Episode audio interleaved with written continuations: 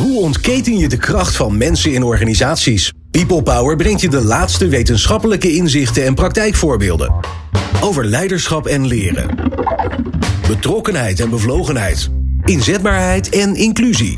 Omdat mensen het verschil maken in jouw organisatie. People Power met Glenn van der Burg. De combinatie van werk en mantelzorg is actueler dan ooit. 1 op de 4 werknemers combineert beide. En in de zorg is dat zelfs 1 op de 3. Naar verwachting in de komende jaren zal dit ook nog eens een keer fors gaan toenemen. Waarom dat is, dat gaan we natuurlijk uitzoeken in deze aflevering.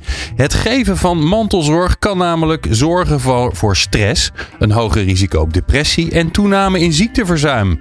Vooral wanneer eh, dat mantelzorgen zo lastig te combineren is met het werk. Werkgevers spelen een essentiële rol in die combinatie van werk en mantelzorg. Maar wat moet je dan doen als werkgever? Hoe weet je überhaupt wie een mantelzorger is? Hoe ga je daarover het gesprek aan? Want ja, mantelzorgen doe je meestal als er iets aan de hand is met iemand. Het is toch meestal een verdrietige omstandigheid. En welke afspraken moet je daar eigenlijk maken met een mantelzorger? Nou, daarvoor hebben we twee experts voor je uitgenodigd hier in de studio. Wies Kerkvliet is de gast, is onderzoeker bij werk- en mantelzorg en zelf ook ex-mantelzorger. En Martijn Tillema. Hij is adviseur werkgevers en gemeenten bij werk- en mantelzorg. En zelf ook ex-mantelzorg. Ja, wie is dat eigenlijk niet?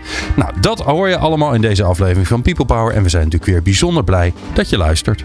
People Power met Glenn van den Burg. Wies en Martijn, leuk dat jullie er zijn. Uh, belangrijk onderwerp. Is mijn aanname eigenlijk correct? Is, uh, ben je mantelzorger als er iets eigenlijk niet helemaal loopt in het leven als dat het zou moeten lopen? Wies? Nou ja, allereerst goedemiddag. En de vraag is, ja, loopt het zoals het niet zou moeten lopen? Ik denk juist dat het leven loopt zoals het loopt. Aha. Uh, wat ervoor zorgt dat we, nou ja, ik durf bijna wel te zeggen, nagenoeg allemaal uh, in zo'n situatie terecht kunnen komen. Um, dus ja, uiteindelijk krijgen, want je noemde net mooi van uh, dat wij beide ex-mantelzorger zijn. Maar ik denk dat heel veel, man, heel veel mensen uiteindelijk yeah. mantelzorger worden. Dus dat dat niet zo uniek is als het nu misschien nog klinkt. Wanneer ben je een mantelzorger? Ja, dat vind ik altijd een lastige vraag. Uh, want wij proberen het ook niet zo zwart-wit te zien. Uh, je bent mantelzorger als je zorgt voor een naaste. Uh, dus wat ik belangrijk vind om te noemen is dat heel veel mensen denken dat het dan een oudere is. dus bijvoorbeeld de zorg voor je ouders. Dat komt ook veruit het meeste voor, zeg ik dan weer als onderzoeker. Volgens mij 78% van de mantelzorgers zorgt voor een ouder. Oké. Okay. Uh, maar het kan ook heel goed je partner zijn. Uh, we worden steeds ouder, dus we zien ook dat veel mensen thuis blijven wonen en dan voor een, uh, voor hun partner gaan zorgen als een van de twee eerder of ziek wordt of dement of een andere vorm van zorg nodig heeft. Um, maar het kan ook een kind zijn. Uh, en dan gaat het verder dan de zorg voor wat wij altijd maar zeggen, gewone kinderen. Hoe ingewikkeld dat uh, soms ook is, kan ik zelf uh, over meepraten. maar het kan natuurlijk ook dat het een kind met een beperking is, of autisme, of een andere vorm van extra zorg. het kan een buurvrouw zijn. Het kan, nou ja, denk maar verder, een tante, een oom. Eigenlijk iedereen in je naaste omgeving. Het hoeft niet per se familie te zijn. op het moment dat er iemand is die zorg nodig heeft. Uh, en jij geeft die zorg van een boodschap doen tot uh, heel uitvoerige zorg. Het is ook in alle soorten en maten.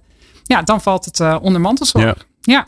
ja gek, misschien, maar ik maak hem even heel klein. Mm -hmm. Mijn, voor mij iedereen bij mijn gezin heeft corona gehad. Maar op een gegeven moment had mijn zoon corona. Ja. En um, die moet dan in zijn eentje in een kamertje blijven. En die Ja. heeft dan een een beetje zorg nodig. Want hij is 17, normaal maakt hij gewoon zijn eigen boterham en alles. Maar dat ging natuurlijk niet meer. Dat vond hij heerlijk overigens. Uh, dus dat was een soort uh, tafeltje, dekje, uh, roomservice. Dan werd er weer gemeld wat hij nodig had. Maar ja, daarvoor moest er wel altijd iemand bij ons thuis zijn. Ja. Nou is dat geen probleem, want onze werkgevers werken mee. Want ik heb er geen één. maar is dat dan ook mantelzorg? Maar dan heel kort? Nou, dat is wel een hele mooie toevoeging. Je hebt misschien dus heel kort even ervaren wat je al zegt. Wat er dus even kort toch wel voor extra uh, zorg nodig was. Maar het is wel een belangrijke toevoeging dat het gaat om langdurige zorg. Uh, dus ik kijk even Martijn aan uh, wat we precies. Uh, volgens mij houden we geen keiharde nou, vroeger, definitie aan. Vroeger werden er de definities aangehangen drie maanden of acht uur in de week. Hè? Dus dat, is, dat zijn forse aantallen. Maar waar het vooral om gaat, is dat het ook gaat over iets dat je overkomt en waar je ook zorgen over hebt. En dan niet even een griepje of even Ja, ja. een corona Nee. eh, gevalletje. Maar het gaat echt over langdurige intensieve zorg. Waar je voor aan het zorgen bent, maar waar je ook zorgen over hebt. Hè? Dus als je op het werk zit en je denkt van joh, mijn zoontje met autisme, die gaat nu voor het eerst naar de middelbare school. Hoe is dat dan? Dan heb je daar ook zorgen over. Redt hij het? Kan hij het aan? Ja. Dus dat is, uh, daar gaat het zeker ook over. Ja. ja. vaak ook de emotionele belasting die er dus bij komt kijken. Of als je bijvoorbeeld op je werk zit, uh, als je die combinatie dus maakt. Uh, maar je kan wel elk moment gebeld worden. Uh, waardoor je weet, nou als ik gebeld word, moet ik ook echt nu gelijk acuut weg. Ja, uh, ja dat leidt natuurlijk vaak uh, tot stress. Ja. Even de, de cijfertjes, Wies. En daar, daar ben jij van, weet ik toevallig. Uh, weet ze niet allemaal uit We hoeven niet allemaal tot op de punt en de komma. Hè, maar even om een idee te krijgen. Hoe, hoeveel, hoeveel mensen doen er mantelzorg in Nederland?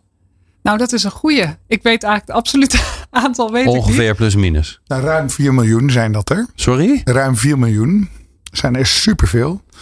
Dat is bijna dat is 1 op de 4 mensen überhaupt in Nederland zo'n ja, beetje. Ja, zeker. Ja. En werken, werken voor mij 10 miljoen mensen. Dus het is ja. 4 op de 10. Twee ja, kijk, dat zijn alle mantelzorgers in Nederland. Hè? Dus alle, van alle okay. mantelzorgers in Nederland heeft een deel ook een baan. Hè? Dus uh, ongeveer 70% van alle mantelzorgers heeft ook een baan. Toen ik begon in dit vak, dacht ik, nou, dit gaat inderdaad over mensen die oud zijn en die misschien eens uh, hè, zorgen voor een partner. Of, uh, maar het is echt 70% van alle mantelzorgers heeft ook een baan. Oké, okay, dus even snel gerekend, 70% van 4 miljoen. Dat is 2,8 miljoen mensen die uh, nu bij jou in de organisatie lopen. En ik heb het nu even tegen de luisteraar. Um, die doen aan mantelzorg. En dat is dus een belangrijk gedeelte van hun leven. Ja, Want zeker. daar hebben we het over. Zeker. Als je iets er acht uur, en of het nou acht of zes of vier uur is, maakt niet uit. Maar als je iets meerdere uren per week doet, ja, dan is dat een belangrijk onderdeel van je leven geworden. Zeker. En dat hoeft niet erg te zijn. Hè? Laten we het ook niet uh, alleen maar problematiseren. Nee, want het, is ook, mooi zijn, het kan ja. ook uh, vervullend zijn dat je zorgt voor een van je ouders of voor de buurvrouw. En, en, en voor heel veel mensen is het ook prima te combineren met het werk. Uh, maar als het heel lang duurt, en het is ook heel intensief. Bijvoorbeeld in de thuissituatie. Uh, als iemand in de thuissituatie, in de gezinssituatie, extra zorg nodig heeft. Nou, in coronatijd was dat zeker ook uh, een extra aandachtspunt. Dan, dan heb je daar ook zorgen bij. Ja. Dus als het lang duurt, uh, dan wordt het vaak ook zwaarder. Nou, en dan uh, zien we dat er vaak wel wat problematiek om de hoek komt kijken, ook op het werk. Ja. ja. Nou ja, ik reken dus ook vaak ook andersom. Daar dat absolute aantal vond ik dus zelfs nog best lastig. Omdat ik, we zijn natuurlijk veel met werkgevers uh, in gesprek, juist vanuit de stichting. Ja. En dan is inderdaad wat je net al mooi als intro ook had, dat wij vooral willen meegeven. één op de vier van jouw medewerkers, dus zelfs 26 procent, dus het is zelfs al ruim één op de vier inmiddels. Is dus, heeft dus ook mantelzorgtaken. Dus dat proberen we vooral. Dus het, ja, het is even afhankelijk van hoeveel medewerkers je natuurlijk in dienst hebt. Dus die absolute aantallen vind ik lastig. Ja. Maar ik denk dat dat besef heel, heel belangrijk is. Dat we heel vaak horen, ja, maar bij ons in de branche, ja, daar werken vooral mannen. Uh, bijvoorbeeld in de bouw. Maar is er een verschil? Weet je dat er een verschil is? Worden, worden, zijn mantelzorgers vaker man of vrouw? Hoe is die Ze verdeling? Zijn iets vaker vrouw. Oh. 70 om 30. Oh, dat is wel veel uh, vaker. Of eigenlijk zelfs nog minder, 65, 35. 60 om 40 is uh, de landelijke verdeling van alle mantelzorgers. Maar ja. helaas werken vrouwen nog net iets minder dan mannen. Aha. En dus we zien in de werkende populatie dat dat iets scheef verdeeld is. Dus dan zitten we op de 70-30. Uh, maar dus toch is het wel een belangrijke dat dus ook gewoon een heel groot aandeel man is. En als je inderdaad kijkt naar waar we het over hebben, dan is dat helemaal niet zo gek dat ook mannen daar natuurlijk een taak in kunnen vervullen. En dat zien we gewoon steeds meer. Ja. En andersom gezien, dat vroeger inderdaad vooral de vrouwen deed, maar dat natuurlijk ook steeds meer vrouwen juist gaan werken. Dus met name die combinatie, uh, ja, daar zien we het gewoon uh, zowel bij mannen als Ja. bij vrouwen terug. En wat ook een hele belangrijke is, dat we het ook over alle leeftijdsgroepen heen zien. Dus ook hier natuurlijk, omdat het vaak over partners gaat of over hun ouderen, is zijn het wel vooral uh, 50-plussers. Maar we hebben ook een hele grote groep jonge mantelzorgers die voor hun ouders zorgen, terwijl die nog jonger zijn bijvoorbeeld. Ja. En die verschillen in leeftijd zijn natuurlijk ook groter tegenwoordig tussen, hun, tussen ouders en kinderen. Um, dus, dus dat is wel belangrijk ook als werkgever, dat als jij toevallig een jonge uh, populatie werknemers hebt, wat Ja. alleen maar mannen zijn, ik zeg maar even heel, heel scheef. Dat betekent nog niet dat jij er niet mee te maken hebt. Nee, dus conclusie. Het gaat over heel veel mensen. Uh, 2,8 miljoen, uh, 1 op de 4 van de mensen die bij jou werkt. En als je denkt, goh, ik heb allemaal alleen maar mannen. Als 30% van, de, van die 2,8 miljoen uh, man Ja. is, dan is dat nog bijna een miljoen mensen. Dus dat zijn er nog steeds heel veel. Dus de kans is nog steeds, ook als je alleen maar mannen hebt, heel groot dat er mantelzorgers bij jou werken. Ja. Uh, kortom, dit is een onderwerp. Alleen de vraag is natuurlijk, waarom zou je het er als werkgever, waarom, waarom is het een vraagstuk voor? Waarom moet je er iets mee? Um, en dat weet jij natuurlijk, Wies. Want hoe ervaren die mantelzorgers dan die combinatie van hun werkende leven en hun eigenlijk tweede, bijna vaak tweede baan. Uh, in tijd misschien wel uh, waar ze mee bezig zijn Ja. in, de, in die mantelzorg. Nou ja, maar wat een belangrijk om mee te beginnen is dat wat Martijn al zei, dat we zien dat 86% of 84%, pin me er niet op vast, eh, sowieso aangeeft van nou, ik kan het gewoon voldoende tot goed combineren. Eh, dus dat is een heel belangrijk eh, om mee te geven. Dat het helemaal niet zo is dat iedereen nu al eh, eh, bijna omvalt. En, eh, dus dat is 16% die aangeeft ik kan het echt slecht tot heel slecht combineren. Ja. Nou, dat is natuurlijk een gevaarlijke groep. Wat we wel zien, en daar zijn de laatste cijfers. Zijn Even grappig, hè? Want Ja. 16% denk je, ja, waar maken we ons druk over? Hè? Ja, precies. En ik ben weer even 2,8 miljoen, 16 procent. dus dat is 280.000 plus ongeveer de helft. Hè? Dus dat is om bijna 500.000 mensen die, die problemen ervaren. Ja. Nou, Ja, dus komt dat is heel Den Haag. Bijvoorbeeld. Ja, nee, maar dat is, dan hebben we een beetje goed. beeld. Ja, Lekker dat je zo goed kan rekenen. ja. Nou, dat kost me wel moeite, merk ik. Maar we gaan door. Nou, je kan het beter dan ik moet zeggen. Nee, nou ja, en daar wilde ik dus inderdaad nog aan toevoegen. Dat, eh, dat zijn zeg maar cijfers van de afgelopen jaren. Daar nemen we dan gemiddelde van. Ja. Maar we zien dat door corona, dan komen we toch weer, ehm, eh, dat het nu echt nog veel actueler is. En met name de belasting. Eh, want tijdens corona, wat is er gebeurd? De zorg is overbelast. Dan denk je misschien in eerste instantie aan ziekenhuizen, is ook een belangrijke. Maar Ja. dat gaat ook over thuiszorg, gaat ook over dagbesteding van kinderen die naar een dagbesteding gaan. Is er heel veel uitgevallen, onzekerheid, structuur is helemaal weggevallen. Op wie is dat neergekomen? De mantelzorgers. Ja. Eh, dus die komen al uit die periode van, van extra belasting en extra stress. Dus hoe die combinatie nu is, dat hebben we re- recent onderzocht. Die is nu ervaren dus meer mensen. Uit mijn hoofd gezegd, ik kijk naar mijn collega, in ieder geval 25% die het nu dus al als slecht of heel slecht Oké. ervaart. Dus het is echt een slechtere, eh, veel meer combinatiedruk. Eh, de vraag is natuurlijk, hoe lang duurt die nasleep dan? Maar het is zelfs nu zo dat door Omicron, eh, het is gelukkig natuurlijk een minder, besmet, of minder besmettelijk, minder heftige variant. Maar er zijn wel heel veel mensen die uitvallen. Heel veel mensen die in quarantaine moeten blijven. Waardoor dus weer eh, de kinderopvang dichtgaat of eh, dagbesteding dichtgaat. Ja, maar ik kan me ook vo- voorstellen, andere mantelzorgers waarmee je misschien mee Ja, samen doet, die deelt. vallen ook weg. Ja. Hè? Dus het- je hebt aan alle kanten eh, Precies. word je geraakt. En dan denk ik, oké, maar wat zijn dan de gevolgen daar dan weer van? Hè? Dus er zijn mensen die zeggen, ja, ik vind dat heel ingewikkeld te combineren. Ik heb daar moeite mee. Maar wa- wat, waar leidt dat toe? Ja, precies. Nou ja, dus dat is inderdaad. De actualiteit is nu hopelijk eh, duidelijk van dat er heel veel zijn. Nou ja, waar leidt dat toe? We zien gewoon uit onderzoek ook dat bijvoorbeeld, even om het heel hard te maken, 18% van het verzuim is mantelzorg gerelateerd. Dus daar is al van bekend dat we weten allemaal eh, dat eh, er heel veel psychosociaal eh, verzuim is. Eh burn-outs. eh, maar dat heel vaak niet achterhaald wordt wat nou de precieze oorzaak is. Dus Ja. er wordt wel gekeken naar in het werk. Van goh, is er te veel werkdruk? Of nou, wat speelt er allemaal op het werk?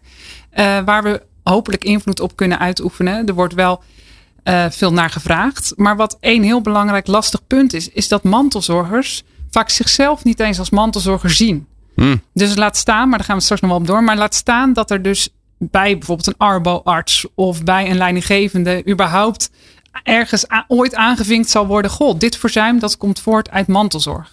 Maar alsnog weten we dat dus eh, uit onderzoek is dus gebleken van, eh, van CZ eh, dat 18% eh, mantelzorg gerelateerd is. Maar ik denk dus dat dat nog veel hoger is. En zeker eh, op dit moment. Dus alleen dat is al een hele belangrijke reden. Maar ik kan nog wel doorgaan. Ja, ik ben. eh, Nee, daar ben ik niet bang voor. Dat je, dus dat, dat is Ja. ook heel fijn, want eh, dat hebben we altijd graag. Dat er mensen zijn die veel te vertellen hebben. Ehm, waar ik straks heel graag met jullie over, over verder wil praten, is, ehm, ja, is dat wat dan het vraagstuk voor die werkgever is. En daarna gaan we het natuurlijk over hebben hoe, wat je daaraan kan doen. En dat hoor je zo. Experts en wetenschappers over de kracht van mensen in organisaties. People Power. We praten over eh, werk- en mantelzorg en hoe dat te combineren met eh, Wies en Martijn van Werk en Mantelzorg. Dus die hebben hun, titel van hun organisatie goed gekozen. Ehm 18% van het ziekteverzuim is te relateren aan de combinatie werk en mantelzorg. Ik moet het goed zeggen natuurlijk. Hè? Ehm, laten we nog heel even kijken wa- wat er nog meer allemaal voor effecten zijn aan die combinatie van werk en ma- mantelzorg. Waardoor het een onderwerp zou moeten zijn voor werkgevers, HR-mensen, leidinggevende. Martijn, wa- wat, eh, wat heb je nog meer eh, eh, voor ogen? Nou, wij doen heel veel onderzoek bij werkgevers. Dat is vaak een vertrekpunt voor werkgevers om eens te kijken van hoe zit dat nou bij ons in de organisatie? Hoe ervaren werkende mantelzorgers hun combinatie werk en mantelzorg? Maken ze het bespreekbaar? Ehm, hoe ervaren ze hun eigen gezondheid, de werk-privébalans? En dat vragen we niet alleen aan werkende mantelzorgers, maar ook aan hun collega's en ook aan hun leidinggevenden. En we zien daar toch wel vaak opvallende resultaten. Namelijk, nou, dat als het in het begin ontstaat, hè, dat werk- en mantelzorg eh, gebeuren. Nou, dan is die werk-privé-balans, nou, het algemeen ook best wel goed. Nog gewoon net zo goed als dat eh, van hun collega's. Maar als we dan inzoomen op bijvoorbeeld de gezondheidsklachten. Dus in hoeverre ervaren mensen spanning, slapen ze slechter, ervaren ze fysieke klachten, stressklachten. Dan zien we grote verschillen tussen werkende mantelzorgers en hun collega's. Aha. Die zijn vele malen hoger. Dus eh, als we dan even, ik ben zelf werkende mantelzorger geweest. eh, het overkwam mij ook. Mijn moeder werd ziek. En op dat moment ging het in eerste instantie ging dat prima, maar het duurde langer. Het heeft drie jaar geduurd. Ja, dan ontstaat er vanzelf een, een relatie ten opzichte van je eigen gezondheid. Hè? Dus dat, is, dat heeft een enorme impact. En hoe komt dat dan? Want kijk, ik kan de, de simpele verklaring die ik in mijn hoofd heb zitten is ja, je moet gewoon meer doen. Hè? Dus je Ja. hebt en je werk en nog eigenlijk een soort baan erbij omdat je mantelzorg doet. Ja, dan nogal wie dus dat het dan, eh, dat het dan minder goed met je gaat. Dat je vermoeider raakt. Zeker. Maar is dat het? Nou, en laten we dan ook nog even teruggaan naar die werkende mantelzorgers. Dat zijn hele betrouwbare, loyale, verantwoordelijke mensen. Het zijn lekkere collega's om in je team te hebben. Hè? Die maken de Ja. dingen waar, kunnen goed Ja. organiseren. Zorgzaam waarschijnlijk. Luisteren goed. Hè? Ja. Dus dat zijn, nemen veel aapjes op hun schouders. Direct ook het risico natuurlijk. Hè, dus het, is, eh, het zijn over het algemeen hele prettige werknemers die je graag erbij wil hebben. Eh, dus in die zin, eh, het, het is goed volk. Hè? Dus je kunt ze er beter bij Ja, bij mantelzorgers zijn goed volk. Goed volk. Ja. En eh, eh, ja, als dat, dat gaat in instantie vaak ook wel gewoon goed. Hè? Mensen voelen zich verantwoordelijk. Ik los het zelf wel op. Eh, ik zorg ervoor dat ik jou niet belast als mijn leidinggevende of mijn collega's niet. Ik moet het ook zelf doen. Ik wil hè, mijn werk ook niet overdragen. Ja, ik voel me toch ook wel een klein beetje schuldig misschien. Hè? Dat ik denk van nou, hè, weer tijd aan mijn moeder besteed. Eh, misschien moet ik het toch weer even compenseren. Nou, al dat soort elementen spelen een rol om er maar niet over te praten. Laat staan om aan te geven van nou, ik vind het ook best wel even pittig. Ja, want dat is eh, dat, dat, zeker als het lang duurt, dat ontstaat. Ja. Ja, oké. Dus, dus ik hoor je eigenlijk zeggen. Ja, natuurlijk is het ook gewoon een belasting om mantelzorger te zijn. Alleen ehm, er zit nog veel meer omheen. Namelijk, je hebt het er niet over. eh, de combinatie is ingewikkeld. Ehm, eh, er is geen, ook geen begrip voor, want vaak weten mensen het gewoon helemaal überhaupt niet. Hè, waar ben je? En, waarschijnlijk gebeurt er in het hoofden van mensen. Nou, ik hoorde je het zelf al zeggen. Hè, van ja, ik kan mijn werk nog wel goed doen en eh, overcompenseren. Nou, noem maar op. Mhm. Is, zijn dat zeg maar de bijeffecten dan naast het feit dat je gewoon ook nog eens een keer extra op je bordje hebt? Zeker. zeker. Nou, een mooi voorbeeld zei je van joh, er is weinig begrip voor. Dat denken die werkende mantelzorgers ook. Hè? Die denken van joh, mijn leidinggevende staat er niet voor open. Nee. Mijn collega's niet. Nou, is mijn probleem. we- hè, we- het is mijn probleem, hè, dat is het per definitie. Maar we meten ook natuurlijk bij die leidinggevenden hebben ze er begrip voor. Willen ze erover praten. En we vragen het ook aan hun collega's. Nou, die zijn veel begripvoller dan dat werkende mantelzorgers denken. Oké. Hè, dus die zijn wat voorzichtig eh, ten opzichte van hun, eh, hun omgeving. Ja. Oké.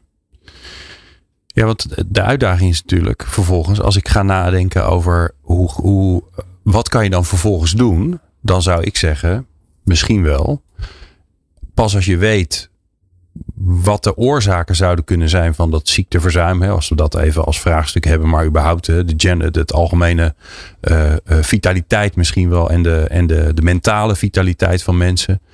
Ehm, ja, dan moet je eerst weten wat de oorzaak is van het feit dat het daar niet goed mee gaat. Hè? Is het, is het, hebben ze gewoon ruimte nodig? Moeten ze gewoon tijdelijk minder werken? En is dan het probleem opgelost?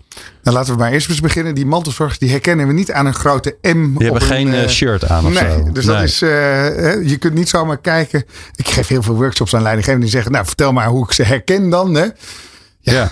Niet. Dat, Is dat antwoord nou, niet? dat, dat kun je niet zomaar aan het uit. Ik weet niet of jij mantelzorger bent of niet. Ik kan Nee. het niet zomaar aan je zien. Ik- zal ik met je moeten praten. En zal ik je een vraag moeten stellen. Moet ik nieuwsgierig naar je zijn. Hè? Dus dat is. eh, hè, dan kom je erachter wat er bij jou speelt. Hè? Dat is. Oké, eh, stap 1 dus. Stap 1 is, kom er überhaupt achter. kom erachter. Ja, Ja. heb daar het gesprek over. ja. Dat is echt een superbelangrijke stap. Ja. En voordat we dan naar de volgende stap gaan, hoe doe je dat? Nou, door vragen te stellen. Nee, dat snap ik. Maar ik wil het, ik, dat, dat, dat snap ik. Maar nu, maar nu eh, is het dan handig om een workshop te organiseren? Moet ik het op de agenda zetten van het werkoverleg? Eh, of moet ik het, eh, adviseer je mij, Martijn, omdat jij er verstand van hebt, om dat één op één te doen, want het is gevoelig. Nou, jij zegt dat snap ik dat ik vragen moet stellen. Ja. Ik denk dat heel veel leidinggevenden het heel moeilijk vinden om vragen te stellen. En dan ook nog eens oordeelloze vragen, nieuwsgierige vragen. Het echt willen weten. Ik denk dat het echt een Ja. hele supergrote Maar je zegt toch gewoon, ben jij een mantelzorger? Dan weet je het. Ja, nou, bedankt. Succes met de mantelzorg. Hè? Dat, eh, Nee, maar eh, dan- als je weten hoe gaat het met je moeder? Goed, mooi. Nou, gaan we weer verder. Ja, oké. Dus ik denk dat daar de oplossing nog niet bij eh, gevonden is. En ik denk dat het ook zo Wat zou je zelf vragen? Wat is een goede vraag? Nou, hoe is het met je? Oké. Laten we daar eens even mee beginnen. En dan, ik zie dat je de laatste tijd wat, eh, wat moe bent. Hoe ervaar je dat zelf ook? Nou, dan zeg je ja of nee. Je zegt, nou, hoe gaat het op werk? Hoe gaat het thuis? Eens wat, eh, wat nieuwsgierige gesprek over hoe gaat het nou met jou? Eh, ik denk dat dat, dat belangrijk is. En waar het begint is niet zozeer dat individuele gesprek, maar dat je als werkgever ook aangeeft van joh, we vinden dit een belangrijk onderwerp. Hè? Dus dat het Oké. eh, uit de taboesfeer wordt gehaald. Ik denk dat directeuren, eh, leidinggevende, ondernemers, eh, dat die daar een ontzettend belangrijke rol in hebben. Door aan te geven van joh, ik realiseer me dat veel mensen bij ons ook mantelzorger zijn. Vaak gaat dat goed, maar soms ook niet. En dan hebben we, heb jij er heel veel last van. Maar heb ik er als leidinggevende, ondernemer, directeur ook last van. En graag ga ik dan met je in gesprek om eens te onderzoeken hoe dat dan is en wat we kunnen doen om het, eh, om het ook op te Ja, lossen. en dan, en dan maak je daar, eh, dan zeg je bijvoorbeeld, eh, ga in gesprek met de HR-afdeling. Nee, Dat Nee, is je loket en dan kan je aanbellen en dan, dan die helpen je. nee, je gaat niet Waarom met? HR-afdeling. Die HR-afdeling kan je lekker helpen in faciliteren, in de mogelijkheden aandragen. Maar ik geloof echt in dat gesprek tussen leidinggevende en de mantelzorger of de werknemer. En ook de collega's. Want die collega's die hebben ook superveel ideeën eh, hoe je eh, dit kan combineren. Hè? Dus eh, betrek de directe betrokkenen erbij. En dan ehm, ehm, zeg ik als leidinggevende, ehm, want we hebben daar, eh, onze directeur heeft verteld dat hij het belangrijk vindt. Dus dan hebben we werkoverleg en dan zeg ik, jongens, ik sta daar, ik ben dat, ik sta er helemaal achter. Ehm, sterker nog, ik heb ook zo'n periode gehad met mijn, eh, met mijn vader of moeder. Dus ik vertel een persoonlijk verhaal en dan zeg ik vervolgens, dus als jullie ergens mee zitten, mijn deur staat altijd open. Ja. Hè? Ik ben er klaar voor. Ja, dat is heel lief. En eh, ik, eh, ik waardeer ook Toch? die Een betrokkenheid. enorm open cultuur hebben we georganiseerd met z'n allen. Maar op het moment, en ik heb het zelf ook ervaren, ik voelde dat ik faalde als werknemer. En niet alleen als werknemer, maar ook als vader, eh, als zoon. Eh, ik had het gevoel dat ik overal mijn eh, inzet met 80%, eh, eh, met met 80% inzet deed. En dus dat de resultaten voor mijn gevoel ook tegenvielen. Hm. En dat stimuleert niet het gesprek op het werk. Dus het, is, het remde mij om het echt goed bespreekbaar te maken. En überhaupt om dat ook te zeggen. Dat ik me eigenlijk schaamde voor mijn resultaten, voor mijn tekortkoming. Dus ik denk dat het initiatief echt bij die leidinggevende vandaan moet komen om er over te praten. Om Oké. eh, alert te zijn op signalen. Ehm, eh, dus als mensen wat later komen, de, eh, wat minder gaan presteren. eh, ja, dat je dan alert bent en het gesprek ook aangaat en nieuwsgierig bent naar wat speelt er dan bij jou? Hoe gaat het met jou? Oké. Ja, dat lijkt. Ik, ik, ik maak wel meer afleveringen over eh, allerlei onderwerpen. En ehm, Ja. het, het, lijkt, het lijkt de oplossing voor veel problemen. Als, als leidinggevende, zeg maar, proactief zouden vragen aan medewerkers: hoe is het met je? En dan en, en ze niet laten wegkomen met goed. Weet je wat het leuke is aan werk en mantelzorg? Nou, dat het gaat over leiderschap. Het gaat over verbinding en samenwerking. En wat het helemaal leuk maakt, is dat het de grootste groep is in een organisatie waar je tegenaan kan lopen. Want dit gaat natuurlijk ook. Bedoel, het kan ook gaan over vrouwen in de overgang. Het kan gaan over mensen in, met schulden. Het kan gaan over mensen die in scheiding liggen. Ja. Maar mensen die Ja. werk en mantelzorg combineren, dat is de allergrootste groep. Dus dat is een super mooie kans voor werkgevers om die groep eens beter te pakken. Ja. En te kijken van, joh, hoe ga ik dat gesprek nou echt aan? Mooi. Wies, ik, ik, ik ga er maar even uit. Jij bent de, van, de, van, de, van het onderzoek. Hè? Dus ik, ik, Ja. als, je, als ik je tekort doe, dan moet je ingrijpen. Ehm, ehm, ik kan me voorstellen dat er allerlei manieren geprobeerd zijn om hier aan te werken in organisaties. Wat werkt er? Waarvan waar zijn jullie achter gekomen van, nou weet je, dit zijn dingen die, die kun je eigenlijk altijd doen, want die gaan altijd goed. Nou, wat wel denk ik een goede toevoeging is, ook om wat Martijn net zei, is dat wij ook in onderzoek heel duidelijk zien. eh, want we, ik interview bijvoorbeeld ook werkende mantelzorgers. Eh, maar het komt ook vaak voor dat ik dan de collega's, dus dan ga ik ze in de rol van collega ga ik ze interviewen. En wat blijkt dan na één, twee minuten? Dat ze eigenlijk zelf ook werkende Ah. mantelzorger zijn. Oh, dat is Dus smart. dat is echt heel opvallend. Eh, dus eh, wat dat betreft, want dan zegt ook, weet je, dan gaan we een onderzoek doen. Dan zeg ik, nou, ik wil graag eh, tien werkende mantelzorgers en tien collega's bij spreken. Ja, nou ja, dan weten zij natuurlijk ook niet van, heel vaak kunnen zij niet zomaar even tien werkende mantelzorgers eh, aanwijzen. Maar dan zeggen we, Nee. nou, dat komt over het algemeen wel goed. Want wij gaan gewoon af op de cijfers dat één op de vier van hun medewerkers mantelzorger is. Maar dan komt zo'n collega dus erachter dat hij toch ook zelf ook mantelzorger blijkt Hmm. te zijn. Dus dat is eigenlijk al een hele belangrijke eh, conclusie. Ook voor van wat moet je er of wat kan je ermee. Eh, dat waar we, wat we net omschreven over van goh, begin is dat bijvoorbeeld een directeur zijn persoonlijke ervaring deelt op een intranet of in een nieuwsbrief. Om überhaupt dat taboe en de bekendheid van überhaupt het begrip mantelzorg. En dat jij niet de enige bent die zo'n rol vervult, maar dat er heel veel collega's zijn die dat doen. Ja. Waardoor er wellicht onderling ook een gesprek op gang komt.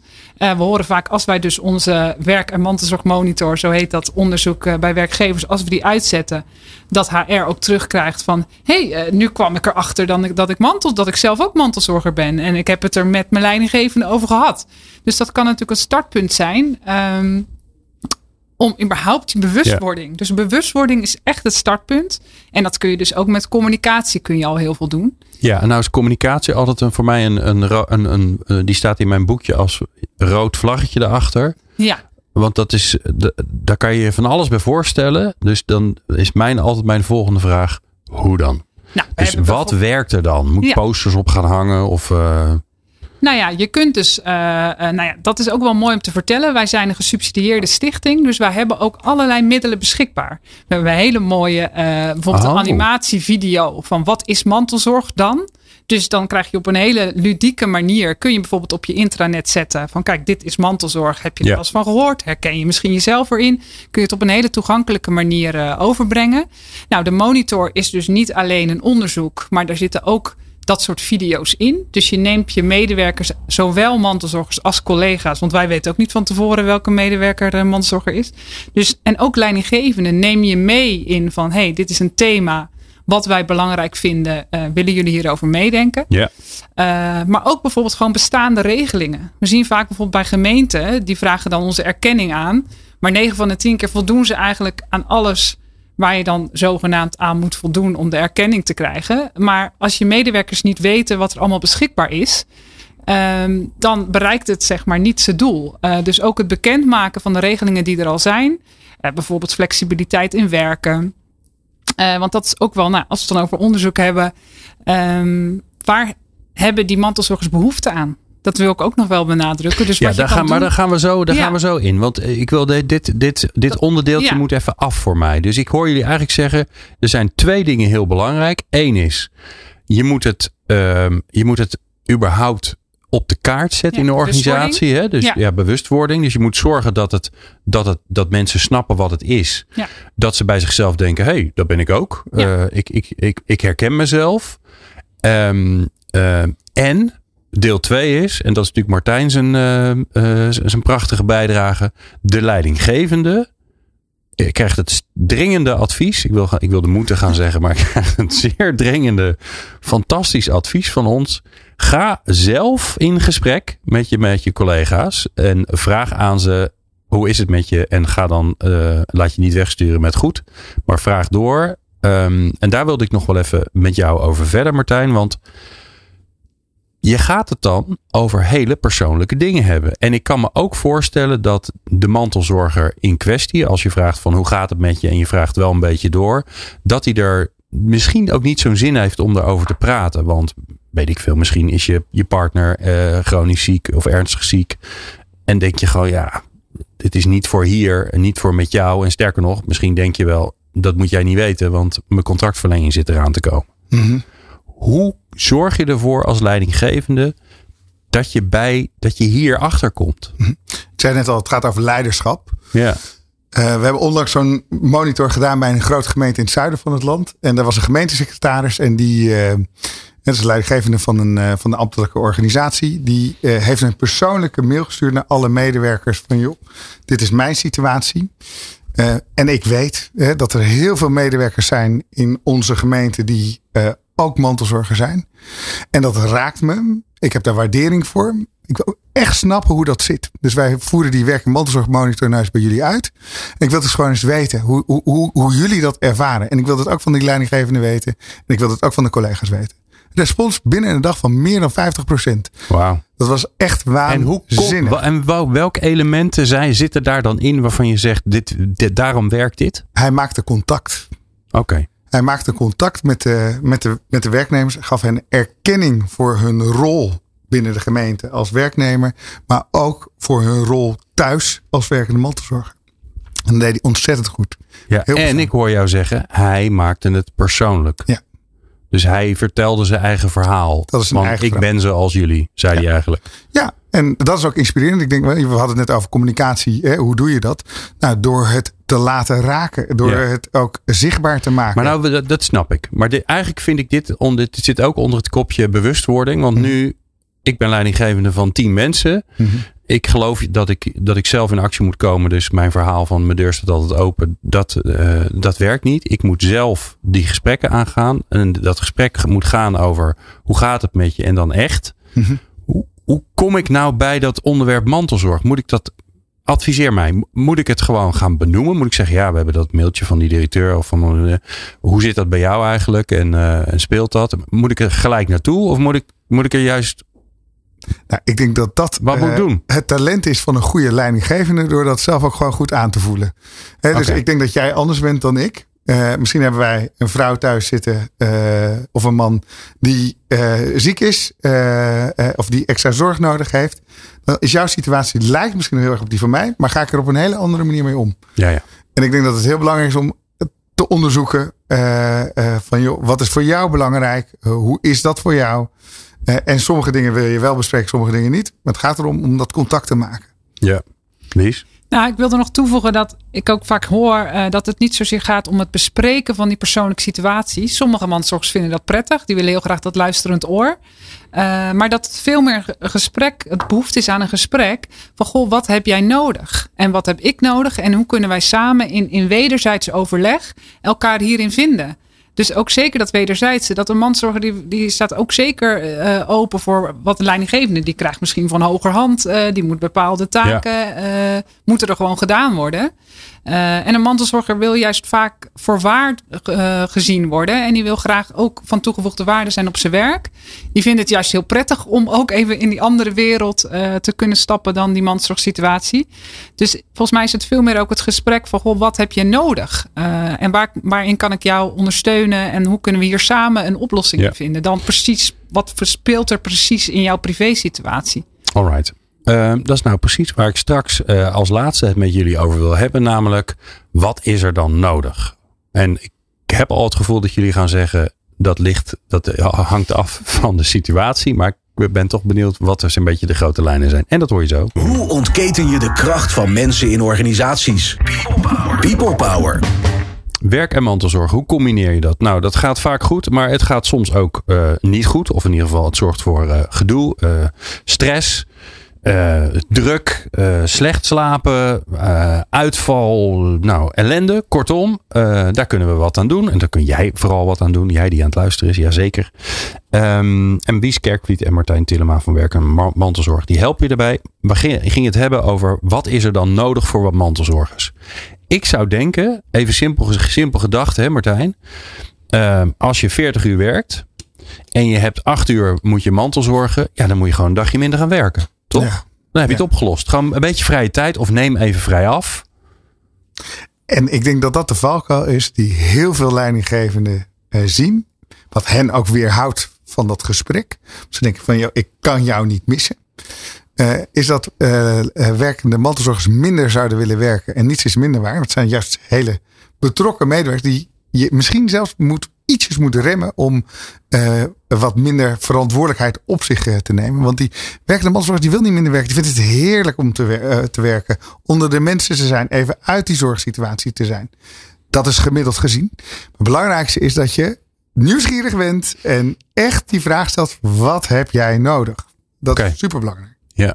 Oké, okay, nou, dus ik heb nog geen antwoord op mijn vraag. Maar nee, dat, ik, ik, ik snap, nou, dit dus moeten we dus niet doen. Standaard minder werken. Is, dat is niet de oplossing. Dat is niet en, de oplossing. En, en, en even gewoon vrij. Vrij is ook niet de oplossing. Nee.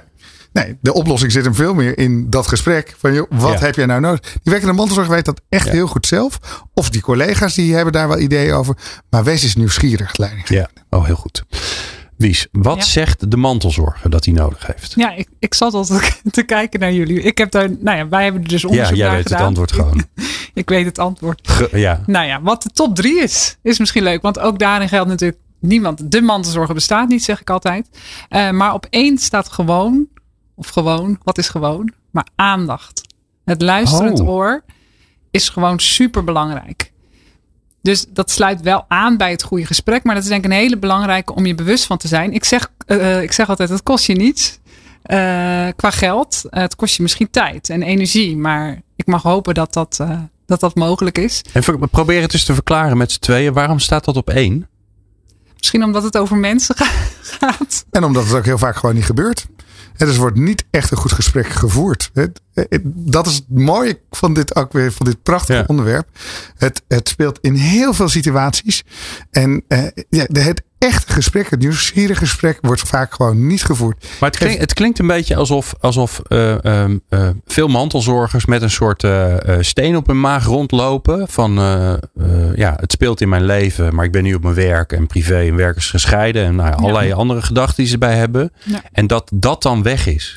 Nou, ik, denk dat, ik denk dat dat voor een deel van de mantelzorg zeker het geval is. Als het langdurig is en er niet over wordt gepraat. Ja. Wat je graag wil voorkomen is dat die steen echt een rol van betekenis gaat ja, krijgen. Dat hij er komt überhaupt. Dus ja. je gaat liever dat gesprek aan op het moment dat iemand gewoon nog gewoon prima in zijn vel zit. En dat je een open dialoog hebt met elkaar. En onderzoekt hoe je dat ook kan vasthouden. Dus daar gaat het denk ik om. Op tijd dat gesprek aangaan. Dat nieuwsgierige gesprek. Oordeelloze gesprek. En uh, dan onderzoeken wat heb je nodig om dat werkende mantelzorg goed te kunnen combineren. Dat levert erkenning op bij die werkende mantelzorg. Misschien mag ik een voorbeeldje nog uh, ja, geven? Zeker. Prachtig voorbeeld van een uh, leidinggevende die zei van joh, ik vind dat ik er gewoon moet zijn voor die werkende mantelzorgers hier. Er is iemand op mijn afdeling die wordt heel veel gebeld door haar moeder met dementie. En ik vind dat het maar gewoon, ik moet daar gewoon ruimte voor geven. En ik vroeg aan haar van joh, heb je daar dan met elkaar over gehad? Nou, nee. Want ik vind dat dat gewoon gefaciliteerd moet worden. Goede intentie van die leidinggevende, hadden we het net al over. Maar wat gebeurt er? Iedere keer wordt die mevrouw wordt gebeld. Die loopt met haar telefoontje naar een uh, aparte ruimte. Belt even een beetje beschamend met haar moeder. Want wil haar moeder zeker niet laten vallen. Maar haar werk eigenlijk ook niet. Dus die zit in een spagaat. Komt weer terug, gaat werken. Voelt zich toch ook weer tekortschieten. En er wordt niet over gesproken. Aha. Dus ik zei tegen die leidinggever, ga gewoon eens het gesprek aan en heb er eens over. Nou, een opluchting dat daar vandaan kwam. Hè? Ja, oh, wat fijn dat je erover begint. Ik, had het, uh, ik, ik vind het heel vervelend dat ik zo vaak word gebeld. Ik vind het ook lastig. Ik wil mijn moeder niet uh, uh, in de steek laten. Ik wil mijn werk ook niet in de steek laten. Nou, alleen al dat gesprek, dat loste zoveel Ja, ja, op. ja, ja. Ja, Daar ja, gaat het ja, om. Nou ja, en het is ook het begin van, van het ervaren van steun.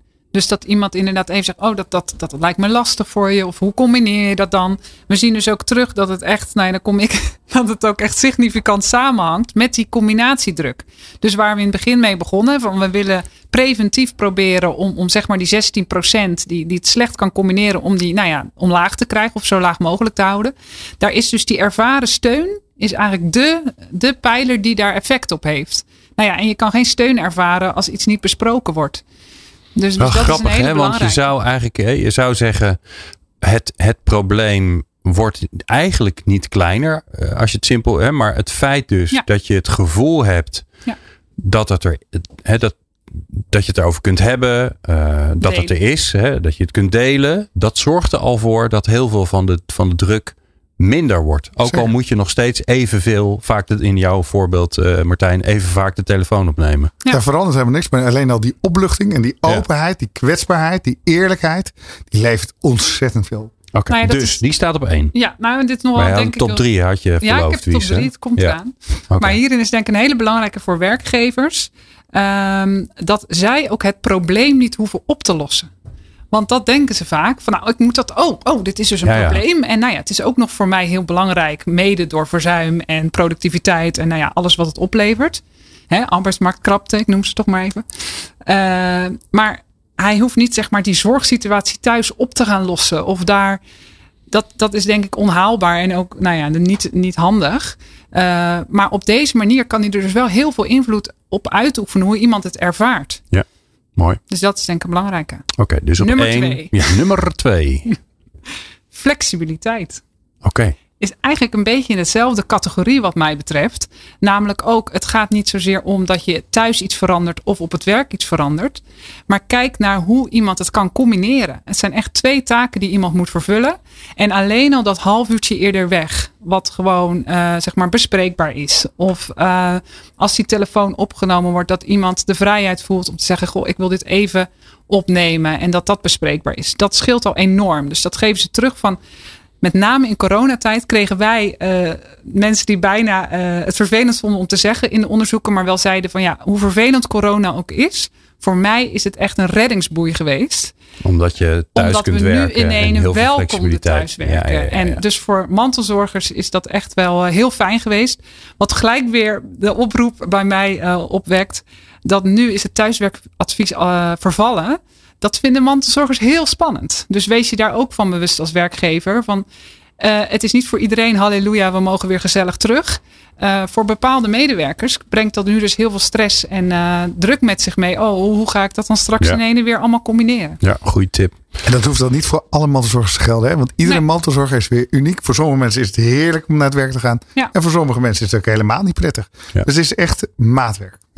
Maar eh, nogmaals, hè, vraag het. Ja. Precies. Heerlijk, ja, je die- leert snel. ja, nee, nee, nee, En het past heel goed bij nummer drie. Nummer drie, ja, de laatste. Nou, niet de laatste van de nummer drie, hè, dan. Ja. Maatwerk. De behoefte, er is heel grote behoefte aan maatwerk. Dus dat mantelzorgers inderdaad, inderdaad teruggeven. Ik ben uniek. Ik heb unieke behoeften. Ga er niet van uit dat ik vrij wil, dat ik verlof wil. Wat heel veel werk, werkgevers denken. Eh, dat is echt een misvatting. Want ze geven juist aan, het, is, het zijn mijn sociale contacten. Het is mijn structuur. Het is mijn intellectuele uitdaging. Nou, allerlei redenen. De kracht van werk, zeg ik Ja. altijd maar. Eh, vandaar ook nou ja, dat ik er persoonlijk ook zo in geloof van ja, het gaat juist om die combinatie mogelijk maken. Dus dat werk en mantelzorg gewoon naast elkaar kunnen bestaan. Ehm, en dat geven mantelzorgers dus ook aan. Vraag aan mij waar ik behoefte aan heb. Ehm, zodat we samen een maatwerkoplossing kunnen vinden. Mooi. En die maatwerkoplossingen die hoeven niet altijd op het werk gericht te zijn. Hè? We hebben Nee. een prachtig voorbeeld van een internationaal transportbedrijf. Vrachtwagenchauffeurs die een week Ja. lang op, eh, op pad zijn. Ja, dan zou je zeggen, die kunnen geen mantelzorger zijn, toch? Hè? Dat is absoluut onmogelijk om dat te kunnen combineren. Nou, super creatieve HR-afdeling heeft gezegd van... joh, we gaan misschien eens even onderzoeken hoe we het thuis makkelijker kunnen maken op het moment dat die chauffeur weg is. Dus eh, bijvoorbeeld door extra steun, extra thuiszorg, extra hulp in het netwerk. Dus het is een prachtig nieuw beroep in Nederland. Mantelzorgenmakelaars. Dat zijn mensen die naast mantelzorgers kunnen staan en mee kunnen kijken in die thuissituatie. Waardoor het slimmer georganiseerd kan worden.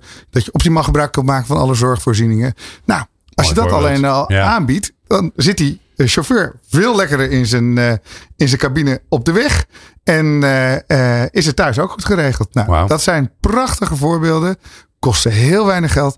Maar wat levert je dat wat op als werkgever? Minder verzuim, meer productiviteit, meer betrokkenheid. nou, ik kan nog wel een tijdje doorgaan. En zij zitten volgens mij dan gewoon in de providerboog, toch? Maar Ja, zeker. Ja. Ja. Ik wist niet wat de providerboog is. Moet je dan even uitleggen. Nou, dat is, een providerboog van een werkgever kan bijvoorbeeld zijn eh, een psycholoog. Dat kan ook Oh, een bedrijfsmaatschappelijk werk. Dat kan een, eh, een sportschool zijn. Er is heel veel eh, kan er in een. Ja, ja. gaat Maar weer om het die, die werkgever gaat dat allemaal niet regelen. Dat wil ik vooral even dat Nee, nee, Dat, oh, daar ik is dat een specialist die dat Maar kan. er zijn dus Ja. nu ja, mantelzorgmakelaars die dat, eh, die dat dan voor je uit handen kunnen nemen. Dus wij denken misschien, dat is nog even een goede toevoeging. Wij denken dat het altijd oplosbaar is. Altijd. Altijd. En als Wat je denkt- ook doet. Al ben je de minister-president. Ja. Al ben je de minister-president, sterker nog, ik denk dat hij het hard grondig met ons eh, eens is. Wij denken dat het altijd mogelijk is. Nou, als jij denkt dat het niet mogelijk is, bel ons maar, dan komen we naar je toe en lossen we het echt op. Ja, Martijn is, eh, Tillema. Ja. Yes, Eh, kun je altijd bellen.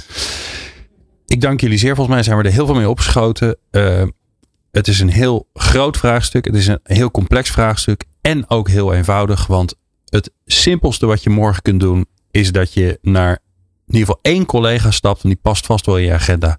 Die ene. Voor de rest zit er, dan doe je er één per dag. Dan ben je redelijk snel bij er doorheen. Maar dat je niet minstens naar één collega stapt. En dat je in ieder geval vraagt. Hoe is het met je? En dat je even doorvraagt om erachter te komen hoe eigenlijk eh, de wereld naast het werk eruit ziet. En een goede kans, bij 1 op de 4 namelijk, dat je erachter komt dat iemand aan mantelzorg is.